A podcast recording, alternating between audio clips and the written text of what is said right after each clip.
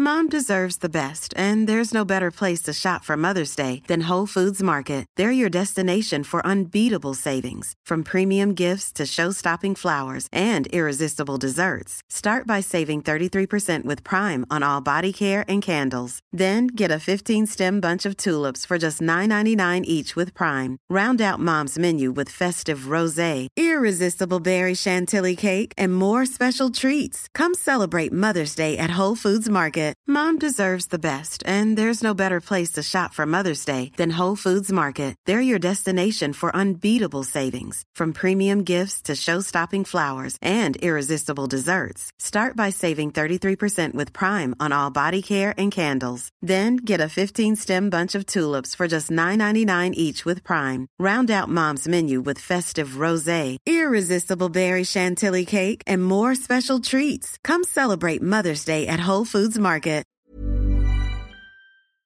Är vi sponsrade av 7up i det här avsnittet? Ja, Va? det är vi ju. Du skämtar! Nej, men vi är jätteglada att 7up är med oss och vi pratar om 7up Zero Sugar. Det är Mm. den vi ska snacka om. Ja, det är den jag alltid kör också. Ja. Varför dricka socker när man kan undvika? Nej, men jag fattar ingenting. Nej. Om jag skulle gissa på smaken, Mm. alltså skulle du gissa att det är citron och lime? Ja, men det är ju det som är 7up. Ja, men jag vet, men jag tycker liksom att den är som en egen... Ja, jag förstår vad du menar. För att du kanske tänker mer så här, eftersom den oftast är genomskinlig då, att Mm. man tänker att det ska vara som sockerdricka. Ja, Som Pippi fick ur sitt träd typ. 7up Zero Sugar för mig är en egen smak typ. Ja. Men absolut, om de vill kalla det citron och lime så kan de väl få göra det.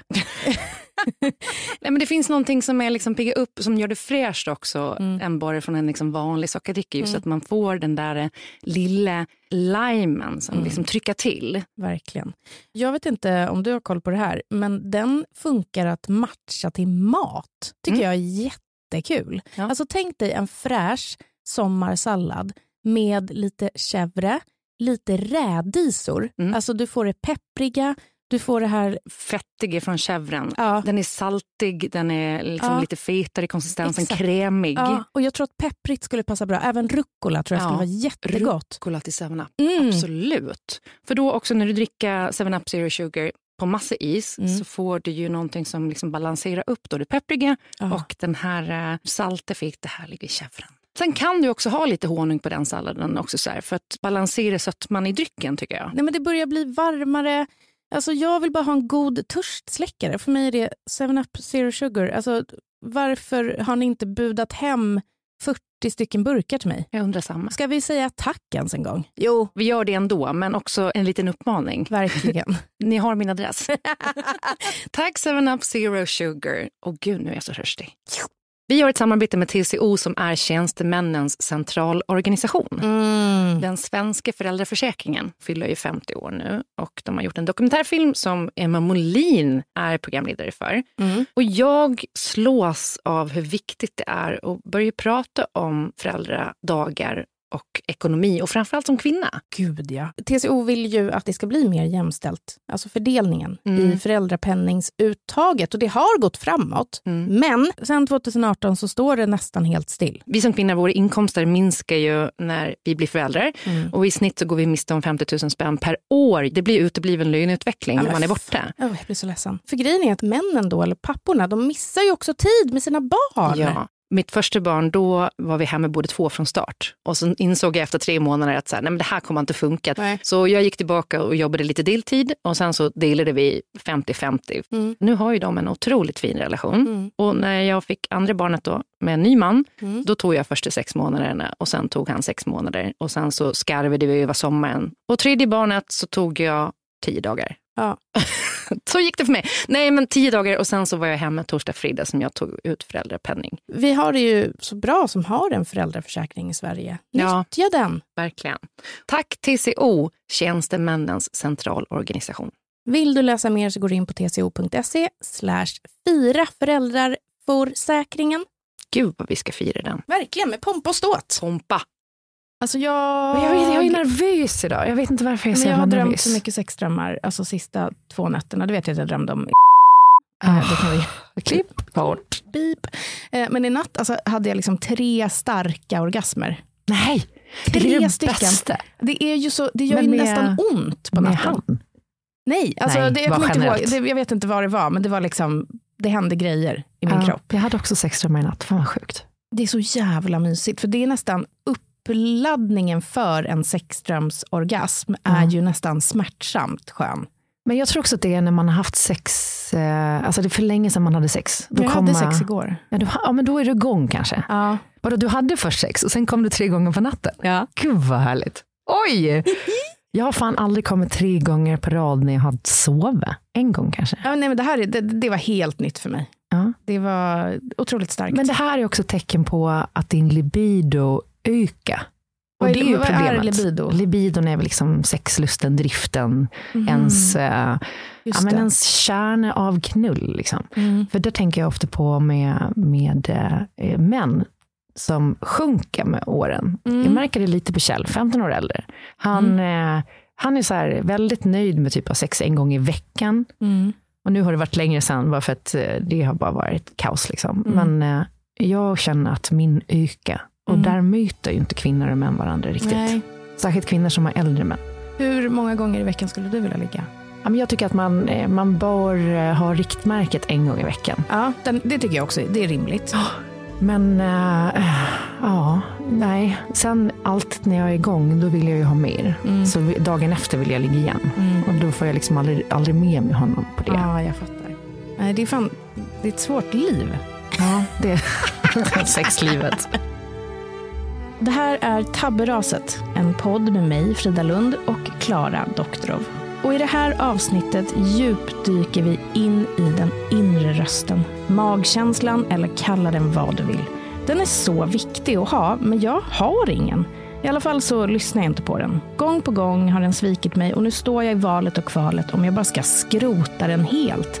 Bli en helt platt person bara. Äh, jag vet inte. Vad säger du, Klara? Ja, alltså det enda min inre röst säger mig är att jag aldrig mer ska besöka Lummelundagrottan. Det är det enda jag har som inre röst. Det är otydligt, så att jag behöver höra allt du har att säga om det här. I det här avsnittet har jag skrivit ett öppet brev till Kalle Schulman. Jag funderar kring barn som sover bättre borta, alltså när vi föräldrar inte är med. Är de assholes eller finns det en bättre förklaring? Och så har jag lite tankar kring det högst patriarkala påfundet astrologi. Välkomna!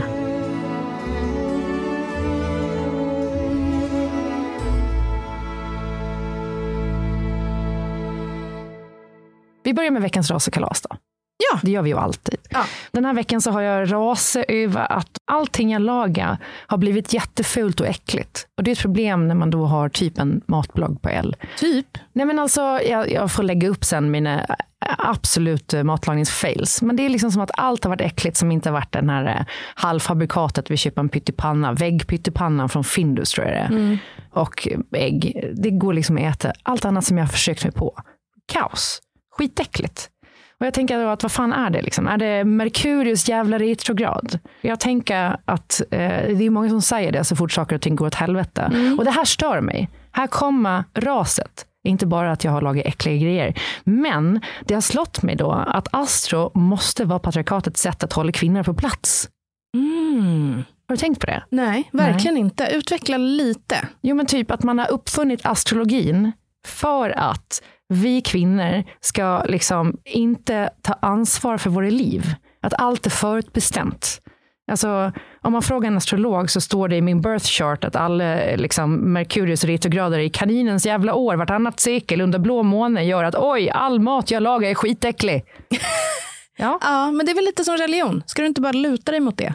ja, men det, alltså, det, det det. Då tar man ju inte ansvar för varför det går fel. Men var... Det är för att vi inte ska vilja och våga mer. Utan så här, det, det står i ditt birth chart att du ska vara olycklig nu. Då får du vara olycklig. Eller det står i ditt eh, birth chart att, att solen och eh, Venus stod i den här. Och det betyder att den här perioden så kommer du att vara liksom, eh, jag vet inte, sexig. Och nästa period så kommer du inte vara det. Och att man bara ska sen nöja sig med det. Men menar du att vi är så fogliga som kvinnor? Alltså? Jag tror det. Och jag tror att det här är ett patriarkalt påfund. Alltså så här, den här veckan, fan, då säger då astrologin förmodligen, om jag skulle fråga en astrolog så skulle den säga så här, köp take-out Klara.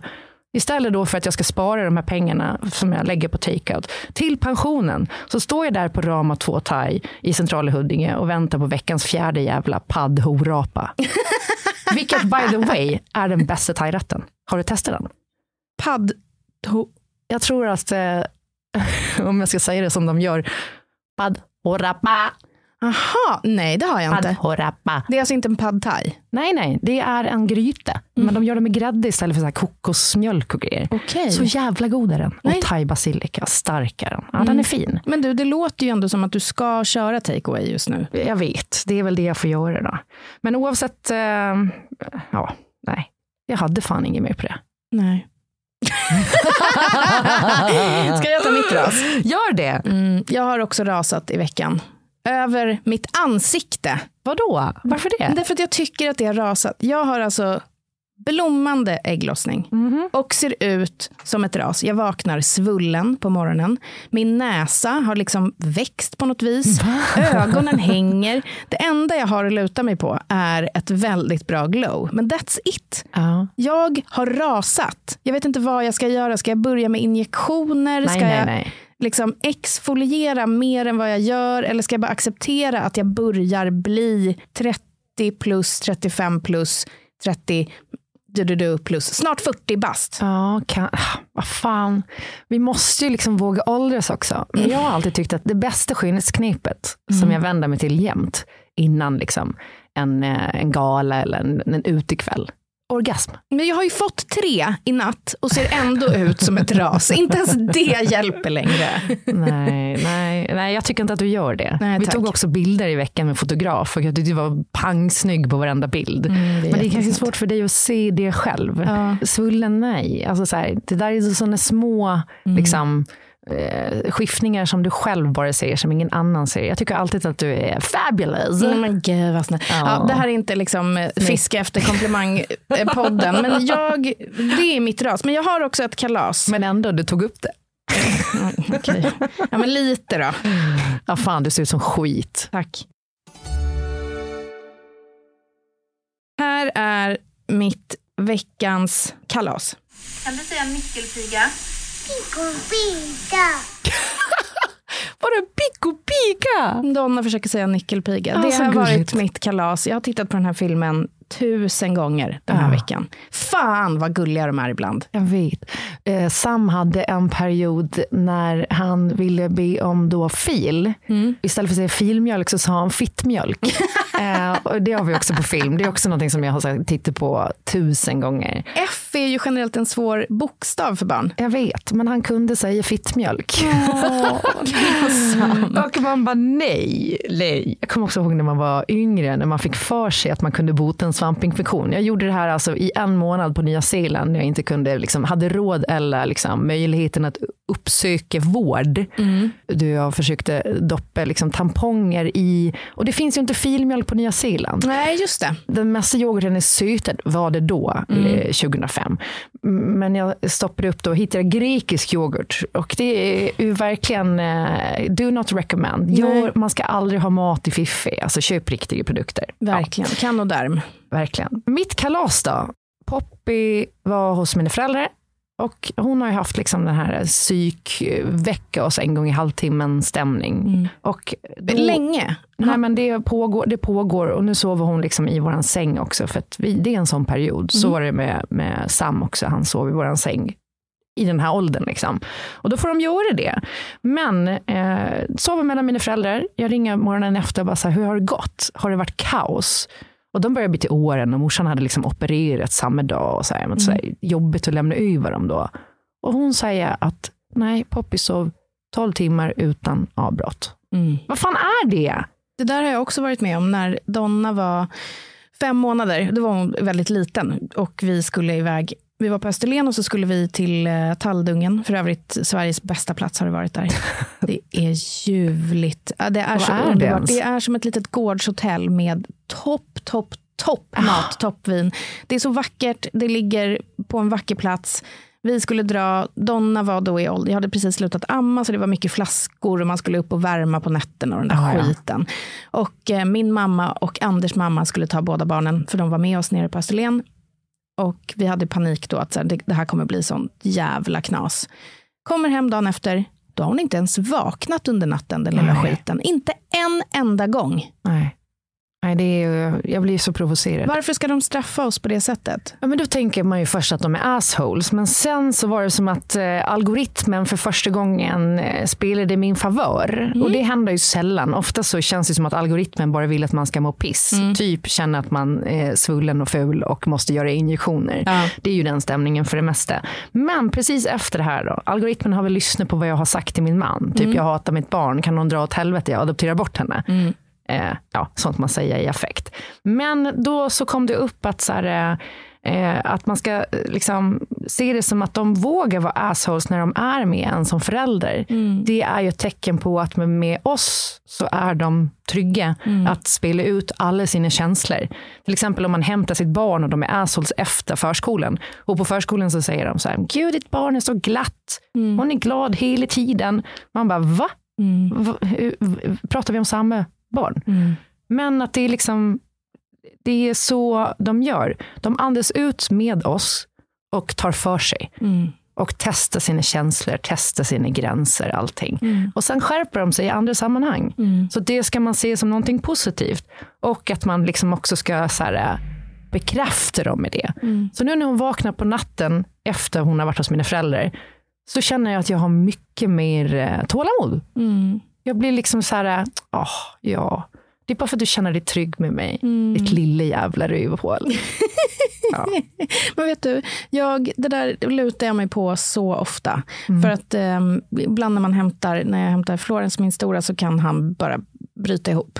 Och när vi har eh, utvecklingssamtal så är det att han är den gladaste på förskolan och han är liksom peppig och han springer runt och allt är så jävla kul. Ja. Och sen kommer han hem och bryter upp. Och då har jag precis läst exakt det där eh, som du säger. Och det ger en ändå, det är vilsamt att veta att det är ett tryggt barn. Det är det det handlar om. De känner inte att de inte kan bryta ihop framför sina föräldrar. nej. Så att jag har slutat säga eh, välj glädje. Eh, som jag hade en period. Ett mantra då? Jag, som jag hade en period eh, jag sa till honom. Nu får du försöka välja glädje. eh, nu istället så öppnar jag mina armar och säger kom till mamma. Ja, Mm. kom till mamma. Jag har förresten en liten fråga till dig. Mm. Eh, vi eh, skulle ju liksom eh, skicka in lite olika företagsuppgifter i samband med att vi har den här podden. Och jag undrar om du, när du fick mina bolagsuppgifter, gick du in och kollade mitt bolag på alla bolag? Nej, men jag reagerade på namnet på ditt bolag. Ja, det behöver vi inte säga här, för jag vill inte att någon annan går in och Nej. kollar på mitt bolag. Gick du in på mitt? Nej, jag gjorde inte det. Nej. Men jag tänkte att så- det där är en sån grej som vissa människor gör. Mm. Och det kanske jag hade gjort om det var någon jag dejtade Mm. eller liknande. Eller om jag märker typ att någon bekant har träffat någon ny person. Mm. Jag hittade ju typ på en bekant som träffade en ny person att den här personen hade en dom och gick Oh. in och köpte domen. ja, Är det sant? ja. Fan, en grävande. Ja, men du vet, då blir det liksom intressant när det kanske är det motsatta könet. Men jag tycker ändå att det finns något fint i. Eh, och så där gjorde jag också när jag skulle anställa folk när jag var chef. Att jag typ gick in, jag googlade inte människor. Nej. Jag kollade med lite referenser och sådär, men jag googlade inte människor. Nej, det känns schysst, även om man kanske är sugen. Alltså, jag har ju Ja. varit inne på alla bolag och kollat på folk, det är inte så. Nej, nej, men, det är klart man har. Men det är inte min första reaktion att jag ska gå in och se vad Klara omsatte 2022. Jag, vet, jag, vet, jag, tycker ändå att det är eh, fint. Ja. För att eh, jag tänkte samma sak, att så här, jag, vill inte, jag vill inte ta de bolagsuppgifterna och gå in och, titta på det. Nej. Utan så här, det är bättre att, att sånt får, får ge sig efter tid. Liksom. Du kommer ju märka om jag liksom köper ostron eller om jag köper en cheeseburgare. vi går ut. Just nu cheeseburgare. Donken, ja. Ja. samma Jag här. älskar Donken.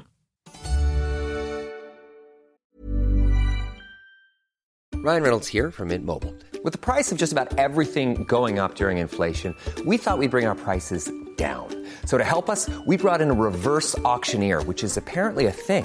Mint Mobile unlimited premium wireless. Ready to get 30, 30, bit to get 30, bit to get 20, 20, 20, bit to get 20, 20, bit to get 15, 15, 15, 15 just 15 bucks a month. So, Give it a try at mintmobile.com slash switch. $45 upfront for three months plus taxes and fees. Promo rate for new customers for limited time. Unlimited more than 40 gigabytes per month. Slows. Full terms at mintmobile.com.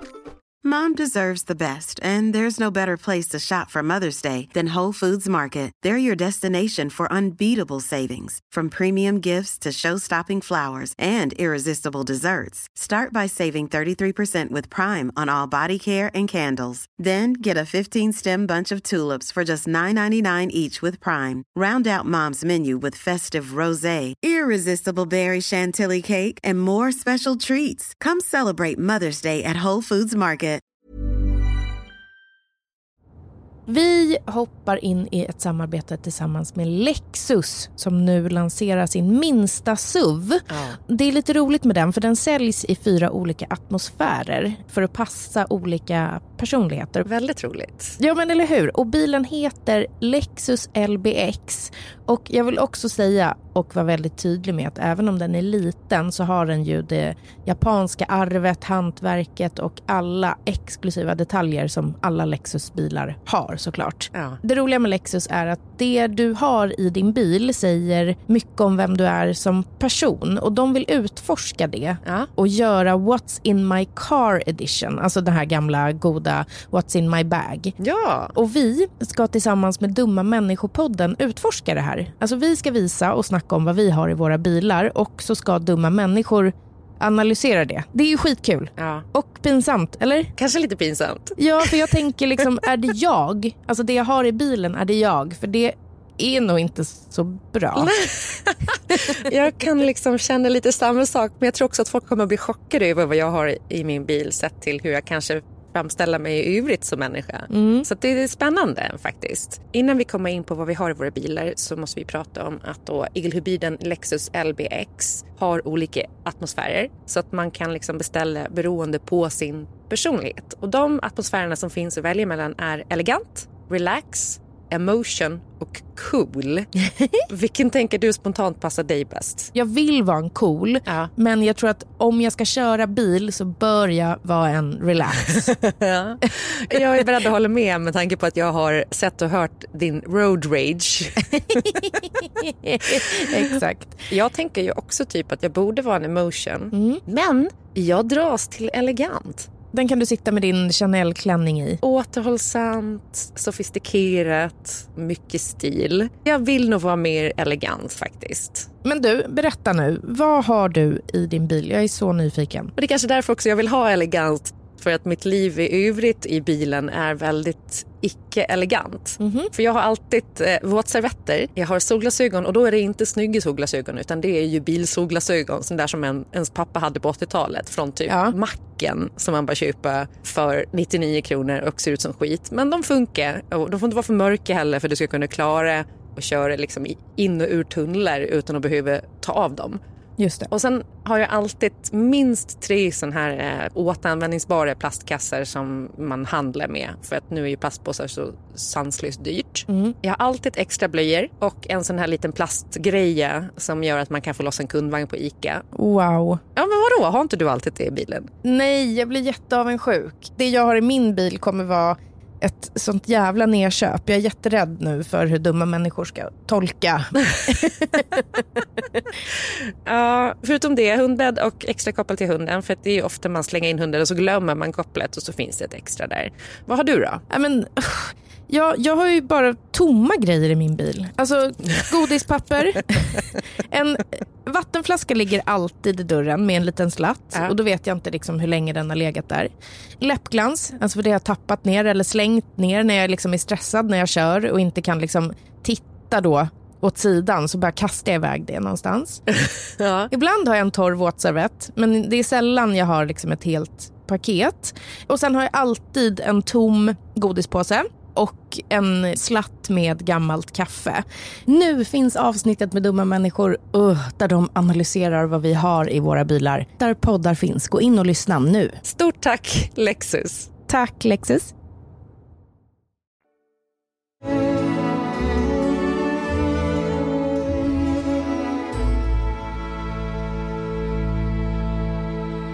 Jag har ganska svårt att hitta en riktning inuti mig. Jag tänker på magkänslan, inre rösten, framåtfarten. Det som man läser och hör ganska mycket om och har gjort. Jag har i alla fall gjort det på sistone. Kanske för att jag har varit väldigt öppen öppen för just att ta in saker om, Ja. lyssna inåt. För att jag har lite problem med att lyssna inåt. Jag har tänkt jättemycket på det och jag tänker att min inre röst borde guida mig framåt, men den sätter istället ofta käppar i hjulet på mig. Den inre rösten i min bild ska vara min vägledare, Mhm. men snarare så blir den mitt stopp. Och jag tänker inte att den inre rösten ska vara det som väljer om jag ska ha leverpastej eller ost på mackan eller vilken outfit jag ska ha. Men när det kommer till någonting som känns dåligt i magen så borde man ju lyssna på det. Eller vad känner Ja. du? Okej, alltså eh, ja precis. Att man ibland går emot sin eh, intuition då. För att jag har ju, det här, det här begreppet inre röst också har jag varit väldigt eh, fascinerad av. För att jag skulle vilja ha en inre röst. Men jag har inte hittat den. Och jag pratade lite med Elsa Billgren om det som känns som att hon är liksom förespråkaren av den inre rösten. Ansiktet utåt för inre röst. Ansiktet utåt verkligen. Och hur, hur det har hjälpt henne. Eh, men liksom, och jag frågade henne, hur fan, vad är, vad är, är det någon som säger inuti, eh, ja, nej, kanske. Alltså jag, jag får inte ihop det. Och så vet jag också på fyllan så förklarade hon det för mig. Och där och då så var jag så här, ja, exakt så. Och så minns du inte nu riktigt. Nej, nej, jag, jag, eh, men jag tror bara att jag aldrig någonsin har lyssnat på en inre röst. Alltså förutom det där med att jag har en inre röst som säger du vill aldrig mer åka till Lummelundagrottan. nej, och den är stark. Den är stark, jättestark. Mm. Men i övrigt så kan jag vara lite så här, min inre röst är väldigt flaky. Mm. Den ändrar sig från stund till stund. Också beroende på energinivå och, och sådär. Mm. Det, det är ju min också. Och, men den, den, är- den är väldigt tydlig ibland. Och två tillfällen har det hänt att den har varit extremt tydlig med mig. Och Ja. jag har gått emot det. Vad det, är det för eh, tillfällen? Då? men det första gången var 2016, det här är alltså sex år sedan, när jag och Anders hade försökt hålla på att skaffa barn i ett år. Jag blev gravid, fick ett missfall i vecka 12 och var helt förstörd av det. Och sjukvården var lite sådär, äh, det, det där händer en av fyra graviditeter, tjoff tjoff. Ja. Inget att vara ledsen över, typ så kändes det. Men, och, så jag förstod inte riktigt varför jag mådde så jävulst dåligt. Jag hade liksom en pickande känsla av, alltså snart smäller det inom mig. Och jag och min mamma hade bokat en resa till Mallis ehm, och skulle åka på den. Och vi, vi åkte på den. Och det var som att de fyra dagarna vi var där så stod det liksom ett ångestmoln och bankade innanför mitt bröst. Och det här, jag höll ut eh, samtidigt som jag blev lite paranoid. Jag ville byta boende. Jag ville liksom leta hela tiden efter någonting som skulle kännas bra. Och jag klarade mig hela resan utan att få panikångest. Men när jag kom hem så var Anders i Portugal och jag pratade med en kompis och berättade att jag mådde lite sådär. Jag är ganska dålig på att berätta när jag mår dåligt. Men hon sa i alla fall, men kom till mig. Och då satte jag mig i bilen. Och då sa min inre röst, åk inte bil. Nej. För att nu är det någonting på gång. Alltså, ring din kompis och säg att hon ska komma hit. Men sätt dig inte i bilen. Och jag bara, pff, fuck you inre röst. Det, jag, jag är starkare än dig. Ja. Så jag satte mig i bilen, fick panikångest för första gången i mitt liv. Och det var ju inte jättebra att få mitt ute på vägarna. Så jag fick stanna och hon eh, var väldigt gullig och kom i en taxi och liksom hämtade upp mig. Men om jag hade lyssnat till den där inre rösten så hade jag istället gått tillbaka hem, ringt henne och sagt kan inte du komma hit istället? Mm. Och den andra gången det här hände var för några veckor sedan när jag och mina bästa kompisar skulle ha en helg på Torö. Och det har vi varje år. Vi hyr ett landställe där och varje år så har vi en helg där vi liksom Ja, men det sups ganska mycket och det snackas och skvallras och vi dansar och vi badar. Och den här helgen är typ den bästa på året för att då får vi umgås så ostört. Ja. Utan barn, inte liksom på restaurang och så. Och ehm, jag, som kanske folk vet, du vet, eh, att jag har problem med min rygg och har haft det i ganska många år. Jag har haft två diskbråck och nu har jag förmodligen fått ett nytt och det ger upphov till mycket smärta och väldigt mycket ångest. För jag tror att jag har lite PTSD från de två sista gångerna. Typ att rädd att jag ska bli invalid. Ja, du- invalid och, Ja, gud ja. Och du vet inte heller hur länge smärtan kommer att sitta, när den kommer, när den går. Precis. Eh, och vi skulle då åka dit fredag till söndag. Jag vaknar på fredag morgon och det ringer i mitt huvud. Och jag svarar, Hallå, det är Frida. då är det min inre röst som säger, Hej! Du borde stanna hemma i helgen. Du borde vara på den platsen där du är trygg. Du ska inte åka iväg. Du ska inte dricka alkohol. Du ska vara hemma med Anders. och igen då så säger jag, nej, jag är starkare än det här. Så jag åker till Tore med samma pickande känsla i bröstet av att det här är inte rätt, jag borde inte göra det här, jag mår inte bra. Eh, fredagen går och vi dricker vin och vi snackar och jag är där men jag är inte närvarande. Har du haft något sånt när du liksom, när man har ångest som gör att man inte är på plats? Ja, verkligen. Det är som att man står och typ pratar men hjärnan bara vill fly. Vill liksom springa ut till skogs typ. Ja. Och när jag vaknar då på lördagen eh, efter ett par timmar så går det inte att hålla ihop längre. Så att jag ljuger då för mina kompisar och säger att jag måste vila och lägger mig i sängen och grinar. Alltså jag, jag grinar i kanske åtta timmar. Jag kan inte sluta grina. Jag har sån fruktansvärd ångest. Och till slut så förstår ju de det. Jag behöver inte liksom gå in på eh, alla detaljer, men, men jag mådde verkligen dåligt. Och då är det så att min inre röst då pratade ju jättetydligt till mig och sa stopp. Och jag lyssnade inte på den. Så jag tänker att jag har två vägar att gå nu med det här inre röstgrejet. Antingen, eftersom det händer ganska sällan att den pratar så tydligt, sist var ju 2016, det är ju sex år sedan, ska jag bara acceptera att jag skiter i det? Eller väg nummer två, är det dags att kanske börja lyssna på den inre rösten? Ja, gud ja. Det är klart att du måste göra det, men det är lätt för mig att säga också, för att jag gör exakt som du alltid. Jag eh, bankar ner, för att om det där är den inre rösten, då har jag nog upplevt det fler gånger, men gått emot den. Eh, Man är och- rädd att göra andra besvikna. Ja. Jag vill inte, de har liksom, hela deras liv har ju planerats precis som mitt för den där helgen. Ja, eh, precis. Och jag hatar att vara den som eh, drar pluggen ur planer. Eller liksom. Samtidigt som jag kan uppleva ibland att mitt psyke kan ju ställa till det lite som gör att så här, då skulle jag kanske aldrig komma iväg på någonting. Alltså, ibland måste man ju utmana sig själv såklart.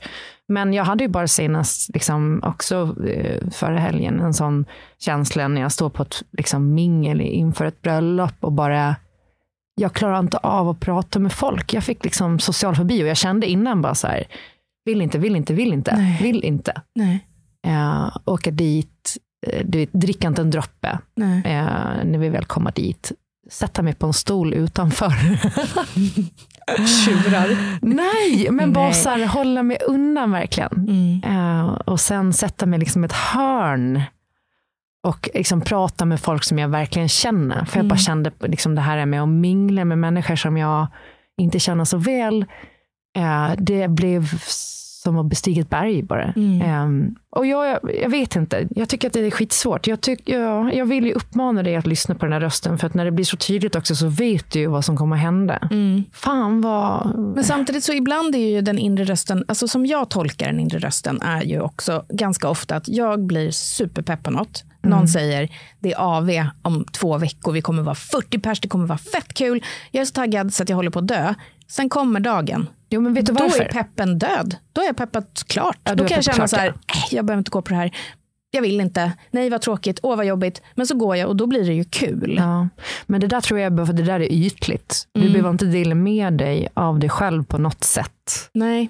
Här var det ju så att till exempel på det här minglet var jag ju så här, för det är ju någons bröllopsmingel, Ja. vilket gör att att eh, jag förväntas att delta Mm. eh, på ett annat sätt. Och då blir det ju liksom ett krav. Eh, när det är kravlöst eller när det är ytligt, då är det så mycket lättare att bara säga, okej, men jag kan gå en stund och sen så eh, kliver jag av när jag känner för det. Det blir en annan grej. Liksom. Här åker du och ska vara med dina vänner. Eh, eller när du satte dig i bilen där, du har lovat att du ska komma till din kompis. Alltså så här, det är det, det är på ett djupare plan tror jag. Mm. Jag tänker ofta på anledningen till att jag har blivit som jag blivit är för att min pappa alltid har sagt till mig, jag är Svensson född, liksom. jag är Mm. en Svensson. En Svensson betalar alltid sina skulder och en Svensson dyker alltid upp när man har sagt att man ska göra det. Alltså man, man gör det man säger att man ska. Mm. Eh, och det där ligger ju som ett ok på ett sätt. Mm. Istället för att, så här, vad känner du? Ja. Och det försöker jag liksom prata jättemycket med barnen om nu. Att lära dem, så här, vad vill du? Vad känner du för? Mm. Jag Hur känns med. det i magen nu? Mm. För det har jag aldrig riktigt fått hemifrån. Och nu sitter vi där som så här ångestspöken som Ja. inte vet hur vi ska liksom reglera kontakten till andra människor riktigt. Nej, man vill bara göra folk nöjda. Man vill att alla ska tycka om en. Ja. Och man vill verkligen inte göra någon besviken. Och jag kan känna ibland, jag har en bild av mig själv att jag är en öppen bok. Jag, är, jag har ingen integritet. Jag, jag kan säga vad som helst till vem som helst och bla bla bla. Men när jag verkligen tänker efter så är det ju egentligen tvärtom. Att jag under eh, när det är till exempel mingel, och vi, vi är ju båda i en bransch där det, liksom, det är events, man går på grejer och du, du, du, du, du. Jag fluktuerar ofta runt jättemycket. Ja. Jag går, och det samma sak om jag hostar någonting hemma som värdinna. Det är sällan jag sitter i ett samtal. Då- Jag fixar med maten, jag öppnar vin, jag duttar. Och jag tycker om det. Jag tycker om att vara liksom den personen som svävar runt andra. Men det kan ju också göra att man inte hamnar i de här djupa typ samtalen exakt. lite grann. Som jag då ändå tänker att jag är Mm. det känns som att jag har någonting framför mig med det här i att jag vill bli bättre på att vara ärlig och Mm. att våga säga nej. Eh, att våga säga lite vad jag tycker. Eh, och i jobbsammanhang också lite grann att så här, det här känns inte bra eller jag tycker så här. Mm. Utan att vara rädd att någon ska bara, "Oh, din fucking idiot. Mm. Frida hon är jobbig. För det är liksom, hela min uppväxt har jag bara varit jobbig. Så jag är väldigt, väldigt, väldigt rädd för att vara Jobbig. Jobbig. Varför, var, varför var det jobbig under alltså, Varför fick du höra det? Men I skolan, jag hade jättesvårt i skolan. Jag Ja. har ADHD och den diagnosen fick jag i vuxen ålder. Ja, samma här. Så att skolan var bara hela tiden. Vi hade liksom veckoscheman som man fick hem där de skrev, där det var liksom, de skrev bokstäver. P var prat, T var tuggummi, eh, S var skolk. Va? Ja, Vad sjukt! på alla lektioner. Och det var prat och stök var hela tiden. Och Wow. alla utvecklingssamtal eh, handlade om att jag inte kunde sitta still, pratade hela tiden och störde och var jobbig. Så att nu i vuxen ålder så är jag så himla rädd att vara jobbig. Jag vill bara foga mig till alla för att jag vill att alla ska tycka om mig, för annars känner jag mig dålig, för det har jag gjort typ hela mitt liv. Ja. Ehm, Men det, det är också så här, det du har som inte jag har är att du är mycket, det känns som att du är mycket mer aktiv. Så jag drar mig undan ganska mycket, mm, eh, mer än vad du gör. mm, Och jag har inte lika aktivt schema som du har. Eh, alltså så att du sätter dig ju hela tiden i situationer där du, sociala situationer, ja. som inte jag gör. Nej, och, och min bild är ju att jag inte gör något. Ja, det är sjukt, för jag som sitter från sidan är ju så här, det alltså, din kalender är ju sinnessjuk. Ja. Det är typ du och Tove Nordström som har de mest liksom, uppbokade kalendrarna jag har varit med om. Ja.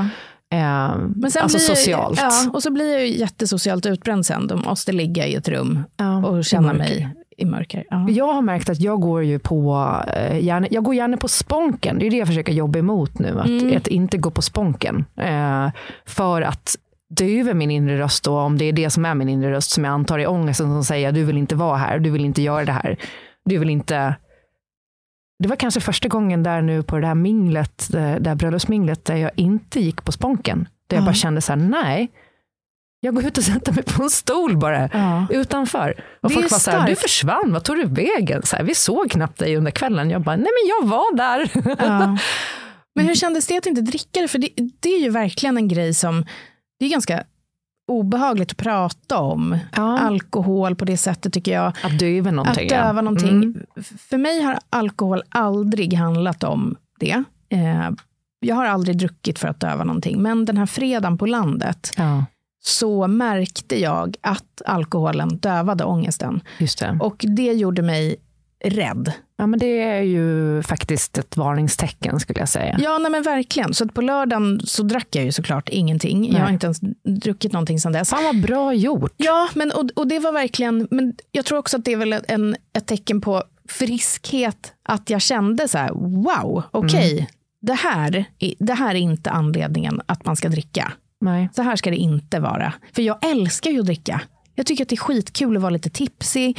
Eh, det brukar aldrig vara för att ge mig mindre ångest, utan bara Nej. för att jag tycker att det är sjukt kul att vara lite full.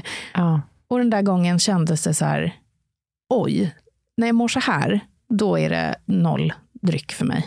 Nej. Verkligen. Men det, det tror jag är svinbra. Jag Mm. jobbar på det också. Men det är också för att jag alltid har fått höra att jag är en, eh, en happy drunk. Ja. Och jag kommer ifrån en släkt där vi har haft eh, många som inte är happy drunks. Mhm. Så mitt drickande har liksom aldrig varit ett problem på det sättet att jag, jo visst, man har ju en liten personlighetsförändring om man går från ganska så låg energi till lite högre, lite gladare Mm. energi. Lite... Jag tror folks bild av dig är att du är väldigt högenergisk. det är ju det sjukaste. Men du är ju inte det. Nej, jag, är så, jag tror fan med att jag är eh, nej, ex, Ja, ja, men alltså jag tänker, bilden av Klara Doktorov är en liksom peppig, lite så grov i munnen. Och nu, ju mer jag lär känna dig, alltså desto mer liksom zombie-lik blir du. Ja men jag är väl för fan... Jag, jag sa det faktiskt till eh, Kjell när han skjutsade mig hit nu. Jag bara, det går, fan, det går snabbt med Frida. Alltså det är bam, bam, bam. Ja. Det händer grejer hela tiden. Alltså sen vi började umgås har jag också varit så här, fan jag kanske ska börja ADHD-medicinera igen. Jag gjorde ju det under min eh, 20, alltså 20 år, 20, 25 till 30 typ. Eh, och det funkade bra då. Eh, sen har jag liksom pausat det. Men nu kan jag känna igen att så här, jag behöver kanske ha den där moroten. Jag är liksom lite ADD så, fast i mitt huvud typ. Ja, Och alkoholen hyper- hjälper ju lite. Nej, jag är absolut inte hyperaktiv. Nej. Jag är hyperinaktiv. Ja. Men samt så här, fan, ah, man försöker ju bara att hitta en väg framåt. Och sen, ja, jag tror i, jag kanske kan hjälpa dig också att ta ner lite Ja. energin här ner. Det är jättebra. Det är som min man, eh, han försöker också hjälpa mig med det. Men jag har ju jag har alltid haft en extrem energinivå. Och jag har väldigt svårt att stoppa mig själv. Det är därför du liksom får 30 sms på rad ibland.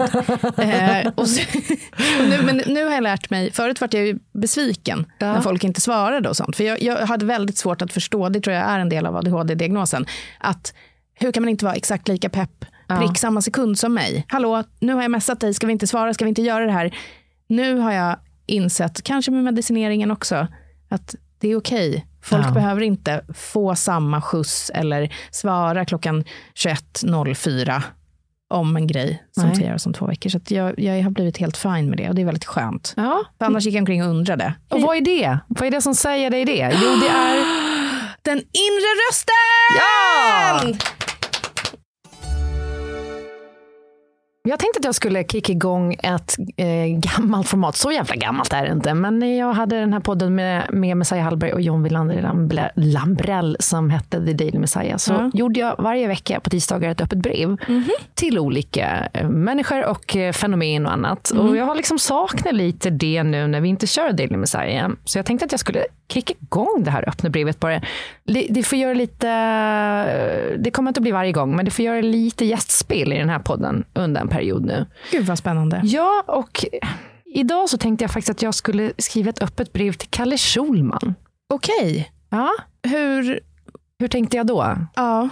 Ja, men det är så här att Kalle Schulman har ju haft det lite tufft den senaste tiden med separation och nya vägar i livet. Eh, han har ju separerat efter sex år.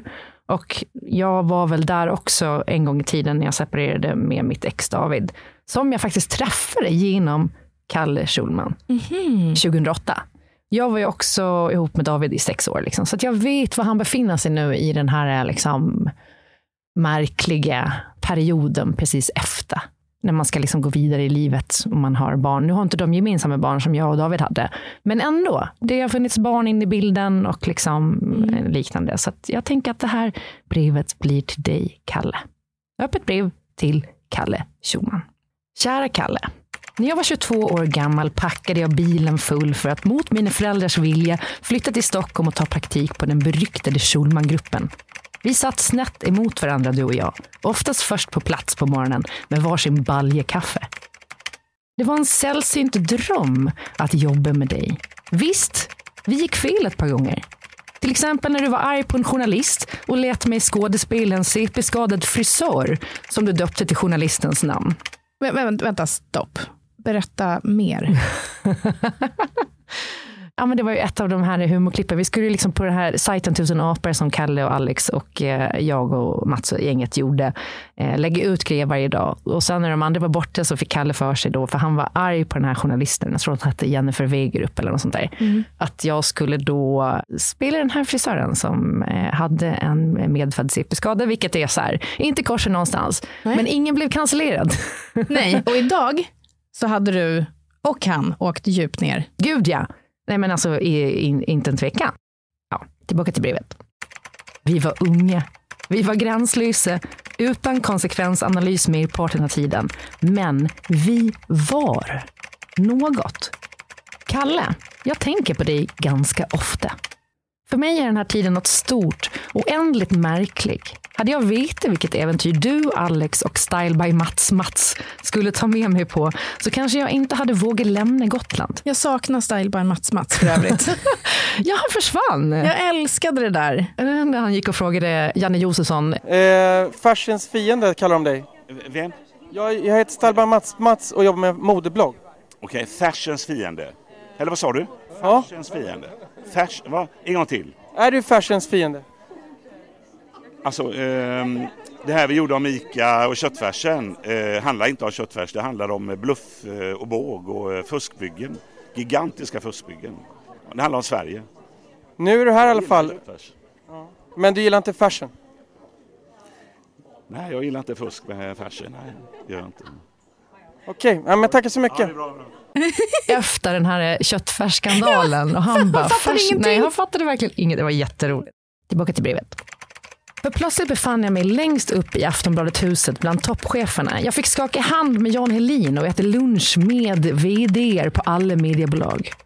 När du upptäckte att jag inte hade någon att umgås med på helgerna för att jag inte kände någon i Stockholm så bjöd du med mig på fotbollsmatcher och hem på födelsemiddagar där jag fick träffa legenden Schulmom, er mamma Lisette.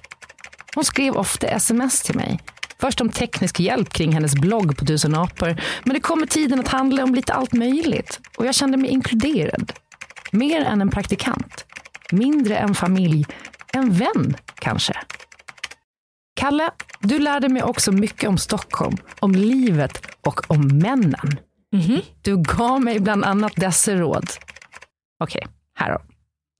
Den bästa pastan finns på Nero. Ja, det gjorde den ju. Ja. Mm.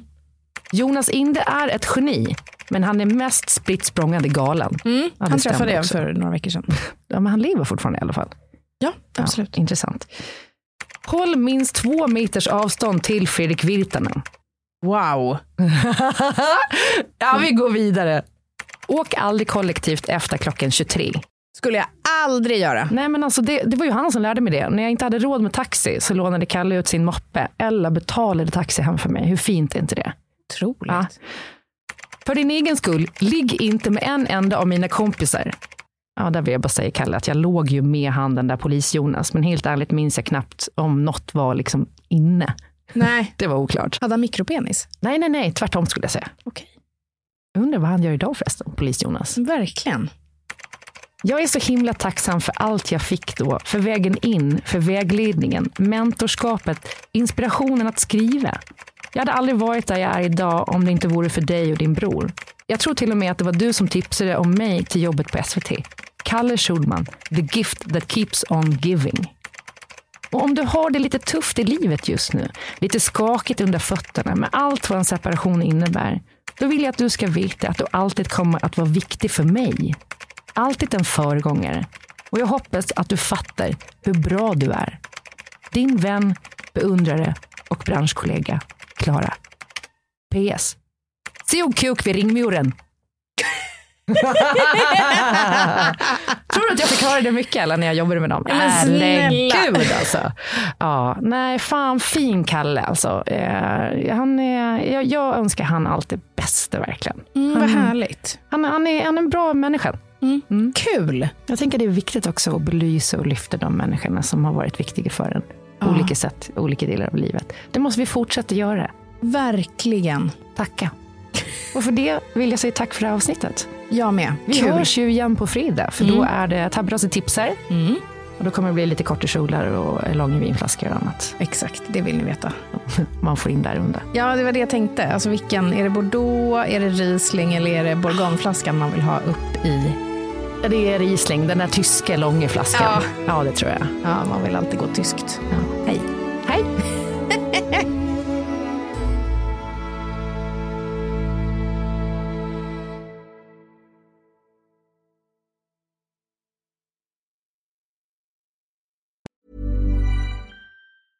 Mom deserves the best, and there's no better place to shop for Mother's Day than Whole Foods Market. They're your destination for unbeatable savings, from premium gifts to show-stopping flowers and irresistible desserts. Start by saving 33% with Prime on all body care and candles. Then get a 15-stem bunch of tulips for just $9.99 each with Prime. Round out Mom's menu with festive rosé, irresistible berry chantilly cake, and more special treats. Come celebrate Mother's Day at Whole Foods Market. Imagine the softest sheets you've ever felt. Now imagine them getting even softer over time. That's what you'll feel with Bowl and Branch's organic cotton sheets. In a recent customer survey, 96% replied that Bowl and Branch sheets get softer with every wash. Start getting your best night's sleep in these sheets that get softer and softer for years to come. Try their sheets with a 30-night guarantee. Plus, get 15% off your first order at bowlandbranch.com. Code BUTTERY. Exclusions apply. See site for details.